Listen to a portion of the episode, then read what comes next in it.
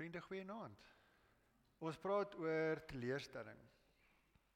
En in die aanloop van hierdie hele week gaan dit daaroor dat mense 'n sekere verwagting van wie Christus is en wat hulle van Christus kan kry. En vanaand sal jy op die bord sien is die tema is God versteek. Dan word is God besig om wegkruipertjie te speel met ons. En daar's 'n skrywer wat vir my persoonlik nogal regtig al baie beteken het, sy naam is Philip Yancey. Hy is eintlik 'n joernalis en hy het 'n paar boeke al geskryf rondom die Christelike geloof. En een van die boeke wat hy geskryf het, gaan oor teleurstelling, disappointment with God. En is daar drie vrae wat hy vra van is God versteek? Is God stil? En die derde vraag is God onregverdig? En vanaand begin ons dan nou hier en ek wil graag hê dat julle moet julleself inleef in hierdie karakters en ek wil graag hê dat julle moet iets beleef van wat hierdie mense in die Bybel beleef. En vanaand gaan ons stil staan by Petrus en iets van Petrus se belewenis rondom Christus. Hierdie is dan nou ons uitstalling vir vir hierdie week en dit is 'n klein bietjie van van 'n spel op die gewone tradisionele leidingsweek kerse. Dis ses kersse wat elke week met leidingsweek doodgeblaas word. En ons het dit nou net so gemaak dat dit nou vir hierdie week is. En ons gister die eerste kers dood doodgeblaas en teen donderdag aand, donderdag gaan ons twee kersse doodblaas omdat ons nie Vrydag erediens het nie. Gaan ons elke aand 'n kers doodblaas en dit beeld uit dat ons nader en nader aan die donker beweeg. Met Advent steek ons elke week 'n kers aan met leidingstyd blaas ons elke dag of elke week 'n kers dood. Want ons beweeg in die donkerte in. En vriende, hierdie is regtig een van daai geleenthede waar ek jou wil nooi om in die donker in te beweeg. Ek wil jou nooi om eerlik te wees oor jou eie gebreke, oor dit wat stikkend is in jou hart en jou lewe. Hier is 'n geleentheid om dit in die oë te kyk. Want ons beweeg na die kruis toe, ons beweeg na die dood toe. En aan die ander kant van die kruis is nuwe lewe. Is die opstanding.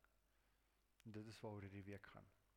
So terwyl ons so sit, wil ek julle nooi om julle oë te sluit en bid ons saam. Here God, ons wil vir U dankie sê dat ons vir 'n paar oomblikke kan stil word vanaand. Here, dankie vir hierdie ruimte waar ons beskik en veilig by mekaar kan kom. Ons bid tot die Here en vra dat U regtig vir ons harte sal aanraak, dat ons dit sal hoor wat U vir ons wil duidelik maak. Help vir ons hier om eerlik te wees met onsself, om eerlik te wees met ons verhouding met U. Seën ons saam wees.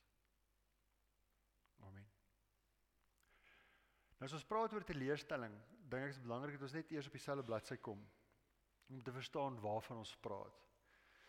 Jansie verwoord dit so en dan sê hy disappointment occurs when the actual experience of something falls far short of what we anticipate. Met ander woorde, dit gaan oor 'n verwagting. Jy verwag iets gaan op 'n sekere manier gebeur en dan gebeur die teenoorgestelde. En dit is tussen daai twee punte van verwagting en dit wat dan nou gebeur waar ons teleurgestel kan word. En Ek dink vir baie mense kan hierdie 'n vreemde reeks wees, dit kan 'n vreemde boodskap wees om te sê maar hoe kan mense teleurgesteld wees in Jesus? En die werklikheid is dat 'n klomp mense was teleurgesteld in hom. Dat hy het nie dit gedoen wat hulle graag wou hê nie. En as ons eerlik is daaroor, dan is dit presies dieselfde vandag. Dat ons het vandag nog steeds sekere verwagtinge van God en ons wil graag hê dat God op 'n sekere manier moet optree wat inpas by dit wat ons wil hê. So gister het ons dan nou by hierdie karakter stil gestaan, dis Johannes die Doper. En Johannes die Doper wat Jesus se neef was wat van die begin af geweet het wie Christus is, die lam van God wat die sonde van die wêreld gaan kom wegneem. Toe hy sy eie dood in die oë moes staar in die tronk, vra hierdie vraag: Is u die een wat moes kom of moet ons 'n ander een verwag? En gister op 'n stadium het ek net 'n uh, eh, greep uit 'n nuusberig op die bord gehad om te sê as jy nou rondom jou kyk, as jy kyk na wat in die wêreld aan die gebeur is, Dan kan ons baie maklik vra vir Christus, is U die een wat moes kom of moet ons 'n ander een verwag? Want wat 'n verskil maak die feit dat Christus uit die dood het opgestaan het? Wat 'n verskil maak die kerk in hierdie wêreld op die oomblik? So ons kan saam met Johannes hierdie vraag vra. Gene Edwards is 'n uh, skrywer en hy het 'n paar regtig fantastiese meer storieboeke geskryf wat hy een van die karakters uit die Bybel uitvat en dan iets rondom dit skep. Ehm um, hy het 'n baie bekende boek geskryf met die naam The Divine Romance wat ek dink van julle seker al in die hand gehad het. Maar dan skryf hy ook 'n boek oor Johannes die Doper en oor Johannes die Doper se teleurstelling. En dan sê hy die volgende: A day like that which awaited John waits all of us. It is unavoidable. Because every believer imagines en dan kyk mooi his God to be a certain way and is quite sure his Lord will do certain things under certain conditions. But your Lord is never quite what you imagined him to be. Want ons het nie 'n besit op wie God is nie. En vriende, baie keer wanneer ons oor God praat, dan praat ons op 'n manier wat dit klink maar ons weet presies wie God is en hoe God behoort op te tree. Jy kry mense wat ook bid van dan praat hulle van my Here. Ek's versigtig daarvoor. Maar dis nie my Here nie. Ek het nie besit op hom nie. Die Franse filosoof Voltaire het gesê in the beginning God created man in his own image and man has been trying to repay the favor ever since. Met ander woorde God het die mens geskep in sy beeld en ons probeer vir God herskep om te lyk soos ons. En ek weet hierdie gaan nou as 'n skok kom vir julle, maar Christus praat nie Afrikaans nie. Hy's ook nie wit nie. Een van my gunsteling goed, ek dink ek het dit een keer in 'n diens doen waar ons saam met die VGK was en toe sê ek Jesus het 10 teenoor meer gelyk soos Dominee Sheldon as soos ek. En toe is Dominee Sheldon se oë net so groot, sê hy. Ja. Van is waar. Jesus was 'n Palestyn. Maar ons wil hom skep in ons beeld dat hy lyk soos wat ek lyk. Dis nie waar nie. En ons lewe in 'n super individualistiese wêreld waar alles moet aanpas by wat ons wil hê. Burger King, daar is nou Burger Kings in Suid-Afrika en dit is hulle tagline. Dit is hoe hulle hulle self dan verkoop om te sê have it your way. Jy kan presies sê wat jy wil hê. Want hierso wanneer jy eet, you're the king. En ons wil dit graag in ons lewens hê. Of dit nou is rondom wat ons op die televisie kyk of dit is hoe ons ons media gebruik wanneer ons iets eet. Ons wil goed hê wat inpas by wat ons wil hê. Net 'n vinnige oomblik om dit net gou te verduidelik, nê? Toe ek 'n kinders was op 'n Vrydag aand, toe was MacGyver op die televisie, nê? Hy kon alles doen met 'n knipmes. Kyk papie, as jy hom kon kry om som jou te boer, dan is jy los voor. Ehm um, en jy wat nou 'n bietjie jonger is, ja, daar's 'n ou met die naam Guyver Mallet knipmes is al wat nodig is om te weet. Maar die punt wat ek wil maak is dat almal het dieselfde storie gekyk op 'n Vrydag aand. Nou eh, hierso is ons nou omtrent so net so oor die 30 mense bymekaar, nê? Nee? As jy televisie kyk, dan is die kans dat jy en die persoon wat saam met jou hierso sit in huise kyk ons nie dieselfde ding nie. Want daar's Netflix, Disney, Showmax, Mnet. Daar is nog iets soos SABC something something something. Ehm um, daar's Amazon Prime. Ehm um, moet ek aangaan, het ek my punt gemaak. So ons skep 'n wêreld wat inpas by dit wat ons graag wil hê. Dis die wêreld waar ons is. En die ding is dat ons wil dit dan van toepassing maak op op Christus ook en ons dink dat Christus moet aanpas by ons wie ons is. En dan as Christus nie optree soos ek graag wil hy moet optree nie, dan voel dit vir my maar hy's versteek. Hy's nie hier nie. Hy's nie teenwoordig nie. Maar die realiteit is dat Ons kyk vir iets wat nie bestaan nie. Ons kyk vir iets wat ek wil hê wat nie noodwendig daar is nie. Vinnige storie. Toe ons nou op vakansie was, het ons by vriende van ons gekuier, ehm um, Janet se kamermaat van van Stellenbosch bly nou in Spanje en sy's getroud met 'n Brit en hy moes in Raas Londen toe vlieg vir werk. So toe's hy nie daar nie en die een aand sit ons toe nou om die tafel en Toby bel en sy kinders praat nou met hom, maar dis nou op speaker. En op 'n stadium toe vra sy seentjie Connor vir hom in sy rou Britse aksent, "Daddy, are you going to bring us a present?" En Toby is skerper as die gewone mens en hy sê toe, "Well, not if you ask like that. If you say, "Daddy, I miss you. I love you." Then maybe. But now you asked for something. En ek dink dit is die groot ding rondom ons denke rondom God. Dat die beginpunt is ons wonder wat kan God vir my gee? Dit gaan nie oor die verhouding waarmee ek in God staan nie. Hoe kan God vir my dit voorsien wat ek graag wil hê? En as ek nie dit kry nie, dan staan ek teleurgesteld. Dan voel dit vir my my God is versteek. So vir hierdie is 'n hierdie is elke weer elke keer as ons oor hierdie temas praat, as ons met leidingstyd besig is, hierdie is 'n moeilike tema. En ek kan dit net inlei. Ek kan net 'n paar vrae op die tafel sit. Die idee is dat ons dan moet dieper delf op ons eie. Dat jy vanaand hierdie vrae die donker inneem, dat jy môre tyd maak om daarmee te stoei.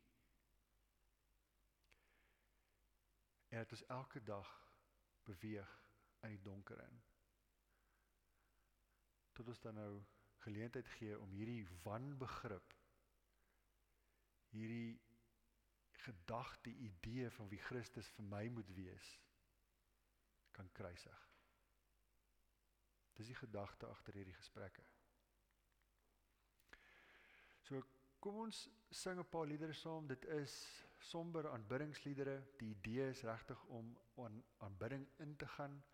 Ons kan sommer net so bly sit En vra ons dat die Here regte vaar ook op hierdie manier ons stil maak sodat ons ontvanklik is om sy woord te hoor. Here God, dankie dat U die een is wat Uself aan ons openbaar. Here, dankie dat U nie versteek is nie. Here, dit is ons gebed dat U ons sal help om werklik waar ons oë oop te maak, Here, om om U te sien vir wie U is. En dat ons die pad wat U ons nooi om te stap saam met U sal stap. Maak ons ontvanklik, Here, om hierdie ook te nou te hoor. Spreek, Here, want die kinders luister. Amen.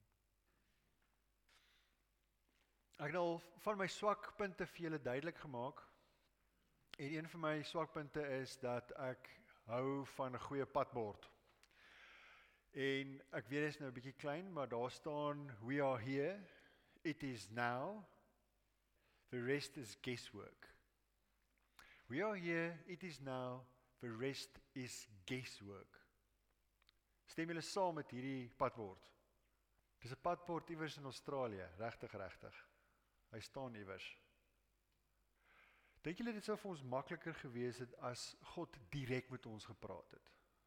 Dink julle die lewe sou makliker gewees het? Sou daar minder raaiselagtige vrae gewees het as God weet nie mense gebruik het nie, maar dat hy dan nou hier sou inkom vanaand en sê, "Oké, okay, julle, môre wil ek hê jy moet dit en dit en dit en dit doen." Dink julle dit sou beter gewees het?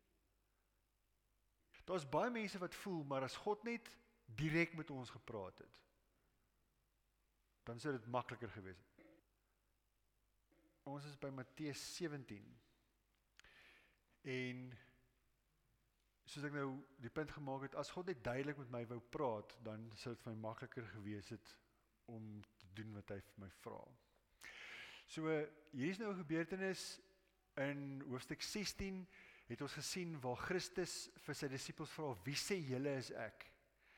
En Petrus het dan nou hierdie geloofsuitspraak gemaak. Hy het gesê U is die Christus, die seun van God. En direk daarna het Jesus vir sy disippels gesê die Christus moet na Jerusalem toe gaan en hy moet sterf En toe het Petrus gesê: "Nee, Here, moenie so praat nie. Dit sal sekerlik nooit gebeur nie." En toe spreek Jesus hom aan en sê vir hom: "Staan agter my, Satan, want jy wil nie hê wat God wil hê nie, jy wil hê wat mense wil hê." En dan gebeur hierdie gebeurtenis nou. Ses dae later het Jesus vir Petrus en Jakobus en sy broer Johannes saamgeneem en teen 'n hoë berg uitgelei waar hulle alleen was. Ek gaan net vinnig daarso stop. Kan julle hierdie drie karakters sien? Petrus, Johannes en Jakobus. Daar is denke rondom die disippels. Hoeveel disippels was daar nou weer? 12. Met ander woorde, as jy 3 het, 3 maal 4 is 12. So was 4 groepe. En die eerste groep is die ouens wat regtig die naaste aan Christus was. Petrus, Johannes, Jakobus. Wie is die drie disippels wat saam met Jesus in die tuin van Getsemane ingegaan het? Petrus, Johannes, Jakobus. So hierdie ouens is die mense wat regtig vir die naaste aan Christus beweeg het. En ons gebruik dit nou vanaand is 'n storie oor Petrus en donderdag aand is daar 'n verhaal oor ja, oor Johannes en Jakobus. En hulle kom nie goed uit daai storie uit nie. Vers 1 Jesus is saam met hierdie ouens by Hoëberg op vers 2. Voor hulle het hy van gedaante verander. Sy gesig het gestraal soos die son en sy klere het geskitter, het skitterend wit geword soos die lig. En kyk, Moses en Elia het aan hulle verskyn en was met hom in gesprek. Petrus reageer toe en sê vir Jesus: "Here, dis goed dat ons hier is. As U wil, Laat my toe om hier 3 hutte te bou, een vir u, een vir Moses en een vir Elia. Terwyl hy nog praat, het 'n helder wolk skielik 'n skaduwee oor hulle gegooi en kyk, 'n stem uit die hemel sê: "Dit is my geliefde seun, oor wie ek my verheug. Luister na hom." Toe die disippels dit hoor, het hulle op hulle gesigte neergeval, oorval deur vrees. Jesus het nader gekom En nadat hy hulle aangeraak het, sê hy: "Staan op en moenie langer bang wees nie." Toe hulle opkyk, het hulle niemand gesien nie behalwe net Jesus self. Terwyl hulle teen die berg afgaan, het Jesus hulle beveel: "Julle moet vir niemand vertel wat julle gesien het voor die seun van die mens uit die dood opgewek is nie." Kom stop daar. Dis 'n vreemde verhaal. Jesus en drie van sy disippels gaan op na hierdie berg toe. Dit is die Taborberg. Dit is naby uh, Nasaret. En hulle gaan hier op en dan ewe skielik verander Jesus se gesig reg voor hulle. Hulle beleef iets van Christus se heerlikheid. En dit is nou 'n rukkie voordat die volgende gebeure dan nou gebeur op 'n ander hoogte waar hy gekruisig word op die hoogte op Golgotha. En hy sê vir sy disippels, dit is waarna toe ons op pad is. Hy maak dit baie duidelik aan hulle dat hy gaan gekruisig word. Maar dit is nie wat hulle wil hoor nie. Hierdie verheerliking is dadelik iets wat Petrus wil vasgryp, wat hy by hom wil hou want dis die tipe van God wat hy wil hê. Dis die Christus wat hy wil aanbid. En dan is daar twee mense wat dan nou by hulle aansluit. Moses en Elia. Een is die verteenwoordiger van die wet en die ander een is die verteenwoordiger van die profete. As jy die naam Moses hoor, wat is van die beelde wat by jou opkom? 10 gebooie. Brandende bos. See berge. Waar het Moses die 10 gebooie gekry? Op 'n berg. Hy het op 'n berg opgegaan op Sinai berg of Horeb en God het daar met hom gepraat. En die volk was bang. Hulle wou nie hê God moes met hulle praat nie. So hulle het gesê praat liewerste met Moses. Moenie direk met ons praat nie. So Moses is een karakter. As jy dink aan Elia, Wat is die eerste verhaal van Elia wat in jou gedagtes opkom? Op Berg Karmel waar Elia die 400 profete van Baal doodmaak. Waar dit gebeur? Bo op 'n berg. So berge is belangrik in die siege van die mense van van van hierdie tyd. Hulle het gepraat van dun plekke of thin places waar die hemel en die aarde nader aan mekaar is. En Elia as 'n profeet het dan nou hierdie wonderbaarlike goed beleef. Die volk het vir Moses gesê: "Praat jy liewer met ons en ons sal luister. Moet tog nie dat God met ons praat nie, want dan sal ons sterf." Die volk het op 'n afstand bly staan, maar Moses het nader gegaan na die donker wolk waarin God was. God openbaar homself op hierdie magtige, absolute fantastiese manier. En die volk is bang om nader te gaan. Vreemd. Elia het hierdie intense ervaring gehad van God. Waar God vuur uit die hemel laat afkom wat hierdie offer altaar verbrand en die beeste op en die water rondom dit. Dis hierdie fantastiese gebeure. En net 'n paar dae daarna sê Elia vir God: "Nou is dit genoeg, Here, neem my lewe want ek is niks beter as my voorvaders nie. Ek wil graag sterf." Dis hierdie groot belewennisse van wie God is. En dit help nie die mense om te glo nie. Toe openbaar God homself in Jesus. En Jesus wys iets anderste van God. Daar's 'n sagtheid, daar's 'n deernis. Daar's 'n tasbaarheid waar hy fisies aan mense raak. Waar hy saam met mense langs die pad stap. En tog was dit moontlik vir die mense om nog steeds nie te glo nie. Mense kies om nie vir God raak te sien nie. Want ek wil graag hê God moet optree soos wat ek wil hê hy moet.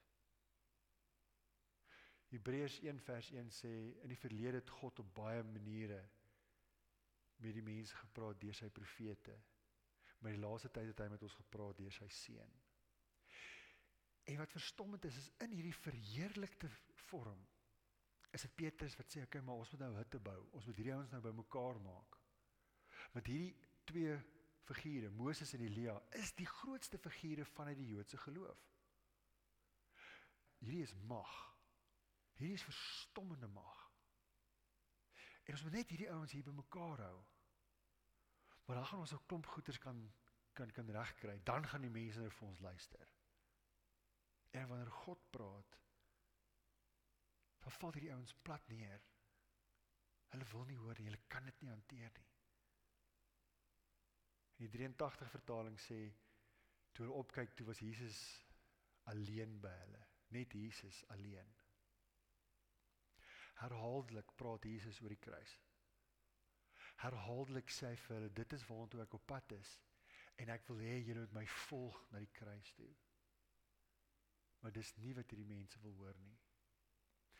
En vriende, as ons eerlik is, is dit ook nie wat ons wil hoor nie.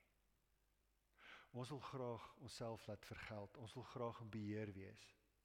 Ons wil graag hê mense moet vir ons luister. Ek wil so graag reg wees al die gesprekke en gevegte binne die NG Kerk en binne kerke oor die algemeen word eintlik 'n magsvertoon. En dis nie hoe Christus opgetree het nie.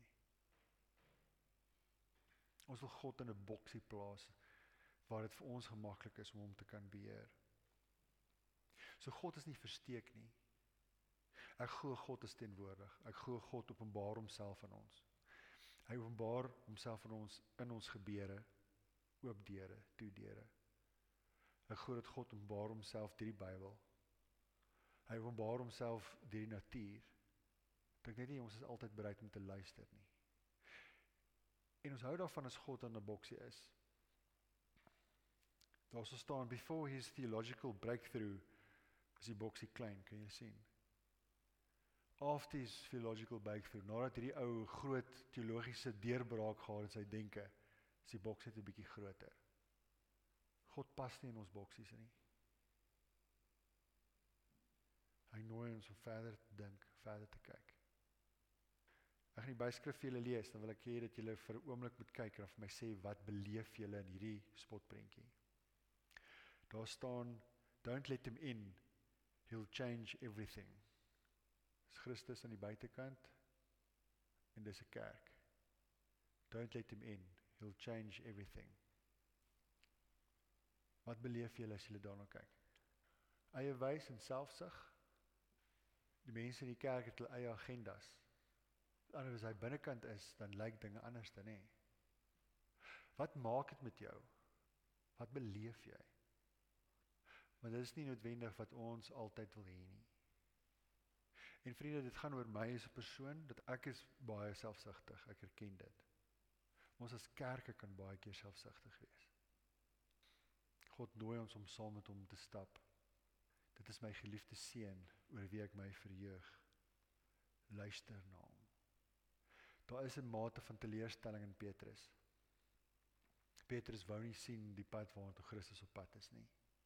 Christus nooi hom om sy oë oop te maak om te sien. Dis die pad wat by moet stap. En dis dieselfde vir my en vir jou. Maar die pad waarna ons op pad is, is die kruis. God is nie versteek nie. God openbaar homself. God is teenwoordig. As ons bereid om hom raak te sien. Ons is bereid om te sien dat hy ons vra om saam met hom op hierdie leidingsweg te stap. Ek wil nooi om saam met ons te staan. Ons is nie op ons eie nie. God is teenwoordig. God het vir ons sy gees gegee. Ons kan hom vashou en hom vra om ons te help om eerlik hierdie gesprekke te voer. Ontvang die seën van die Here. Lewe as sy kinders in sy wêreld. Die genade van ons Here Jesus Christus, die liefde van God, ons almagtige Vader en die gemeenskap van die Heilige Gees is en bly by elkeen van ons. Ons kan saamstem en saam sê. Amen. Die vrede van die Here is en bly by elkeen van ons.